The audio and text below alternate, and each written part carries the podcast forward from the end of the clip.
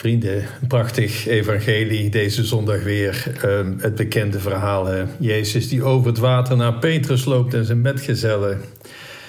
E-, eigenlijk heb je er geen preek voor nodig. Het is, zo uh, vanzelfsprekend. Het is ook zo beeldend. Het is ook mooi om aan kinderen te vertellen. Jezus die over het water loopt. Ja, dat, dat is verbazingwekkend. Maar, en dat hoor ik nooit iemand zeggen wat minstens zo verbazingwekkend is, is Petrus die over het water loopt. Wat ik doe, kunnen jullie ook, zo lijkt Jezus wel te zeggen.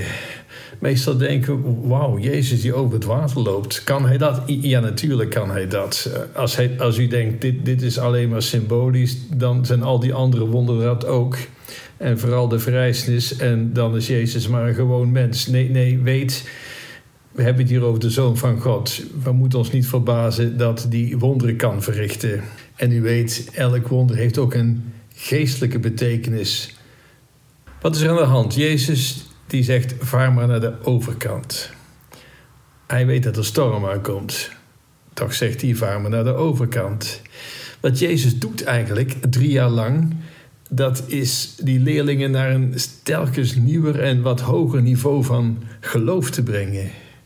Vaar maar naar de overkant. Hè, naar, naar, die grens van, van je geloof. En die moet ze uiteindelijk overstijgen. Hij blijft zelf achter om te bidden, want hij weet dat dat zullen ze straks nodig hebben. Nogmaals, Jezus leert zijn, eh, zijn leerlingen drie jaar telkens nieuwe lessen door middel van nieuwe ervaringen. En wat zien ze op een gegeven moment? Jezus die naar hen toe komt lopen. En die eerste reactie is niet dat ze opgewonden is, sensationeel. Nee, angst. Dat is begrijpelijk. Wij zijn gewend aan het gewone, aan het voorspelbare. Niet aan iets wat onze ervaring te boven gaat, wat onze ervaring niet kent. Je ziet dat vaker in de Bijbel. Hè? Als de engel Gabriel naar Maria komt, vrees. En de eerste woorden telkens: vrees niet, wees niet bang. Of de engelen die aan de herders komen verkondigen dat de Messias geboren is. Ze schrikken zich dood. Ja, wat zouden wij doen als er iemand uit een andere dimensie ineens voor ons staat? Ook Jezus hier. Wees niet bang, wat moed. Maar dan komt het. Petrus heeft de moed om te vragen. Heer, beveel mij, zeg mij dat ik over het water naar u toe moet komen. Hij heeft de moed waarom is dat moed van euch zeker? Want op eigen kracht weet hij: dit, dit kan ik helemaal niet, dit lukt helemaal niet. Het enige wat ik nodig heb is het woord van de Heer, het bevel. En het zal geschieden zoals hij bevel geeft aan, aan onreine geest om iemand te verlaten of om iemand te genezen. En Jezus, nee, een bevel is het niet, maar eigenlijk een uitnodiging: kom. En Petrus stapt uit de boot. Hij heeft de ogen op Jezus gericht. En hij ziet, de Heer zegt het tegen mij. Maar dan, maar dan, die storm, ja, dat ziet hij ook. En hij denkt, dit gaat niet goed aflopen. In die tijd konden mensen niet of nauwelijks zwemmen, waarschijnlijk helemaal niet. Heer, red mij. Heer, red mij. Zolang Petrus de ogen op Jezus had gericht, was er eigenlijk niet veel aan de hand. Maar zodra hij naar zichzelf kijkt, zodra we naar onszelf kijken, onze eigen capaciteiten, ik ben niet goed genoeg, ik ben niet maar volmaakt genoeg. Ja, zolang we, zodra we naar onszelf kijken, verliezen we ons geloof. Geloof, wat is eigenlijk vertrouwen? is eigenlijk de beste vertaling. Vertrouwen. Houd je oog gericht op Jezus. God wil ons brengen naar de, de rand van ons eigen kunnen, om daar overheen te stappen. En je hebt geloof nodig om daar inderdaad overheen te stappen. En dat is wat Jezus telkens doet. We denken doorgaans dat we het zelf kunnen als we maar veel krachtiger zijn, als we maar harder werken, in plaats van te vertrouwen op Jezus. En zodra Petrus Jezus uit het oog verliest, letterlijk uit het oog verliest, ook dat, begint hij te zinken. Jezus veroordeelt dat niet. Hij schudt niet het hoofd, maar hij zegt: Waarom heb je getwijfeld? Ja, waarom heb je getwijfeld? Je weet toch wie het zegt? Kom. Ook dat is enigszins verbazingwekkend, want Jezus zou ook kunnen zeggen, Petrus, hè, want hij stapte toch maar uit de boot. op het, op het verzoek van Jezus. Mooi dat je je geloof toonde, maar dat zegt Jezus niet. Waarom ben je zo kleingelovig? Waarom heb je getwijfeld? Geloof, wat, wat, is dat? De beste vertaling, zoals gezegd, is vertrouwen. Geloof is niet een kwestie van de geloofsbelijdenis beamen en, en de doctrines aanvaarden. Ik ga ervan uit dat u dat doet. Maar dat maakt toch geen verschil in ons leven, in onze manier van doen en laten. Wat wel, echt vertrouwen in Hem. Van wie wordt gezegd, Hij is liefde, Hij God is liefde. Dat er een ultieme bron is. Een ultieme bron die waarheid is, die je mag vertrouwen, die je kunt vertrouwen. En dan zien we Jezus pakt zijn hand vast en de wind gaat liggen. De storm is verdwenen. Nee, het is niet zo dat er geen stormen zijn in je leven als je op God vertrouwt, als je een diep geloof hebt. Maar juist dat je in de storm op Hem vertrouwt en weet je zult het aankunnen. Petrus, jazeker, hij kon ook over het water lopen.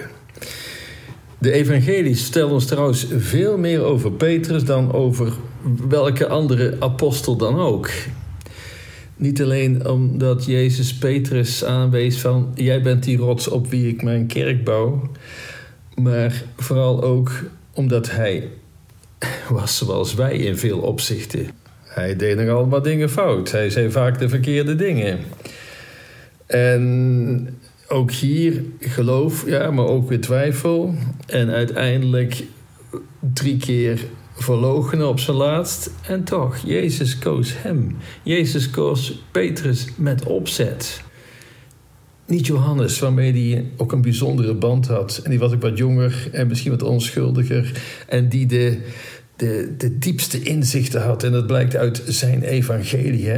En het was ook uh, Jezus die zijn moeder Maria aan Johannes toevertrouwde. En Johannes was ook de enige die trouw bleven tot het laatst toe, tot het einde toe, tot onder het kruis, terwijl al de anderen die waren uit beeld verdwenen. Vergeet niet hoe Jezus Jeruzalem binnentrok. Nee, niet op een statig paard, maar op een ezeltje. Maar het is juist de ezeltjes en de Petrussen die Jezus tot krachtpatsers maakt.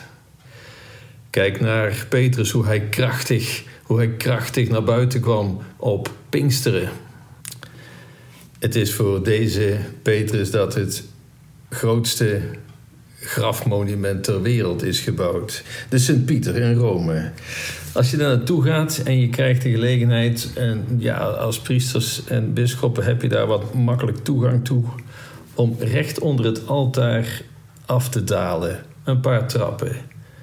Want wat, wat hebben ze gedaan? Uh, dat was vorige eeuw. Men heeft altijd gedacht, hier moet toch Petrus begraven zijn? Maar ja, hoe weten we dat? En ze zijn gaan graven. En dieper en dieper. En wat vinden ze op een gegeven moment? Recht onder dat altaar, recht onder het hoofdaltaar van de Sint-Pieter, een doos. Een houten kist met de restanten van, van wie? Ze hebben het onderzocht. En wat blijkt? Het is een eerste eeuwse Palestijnse man. Voor deze kleine visser is de grootste graftombe ter wereld gebouwd, de Sint-Pieter. Wij zijn onder de indruk van het prachtige bouwwerk van Michelangelo, van Da Vinci, van het goud, van de prachtige beelden.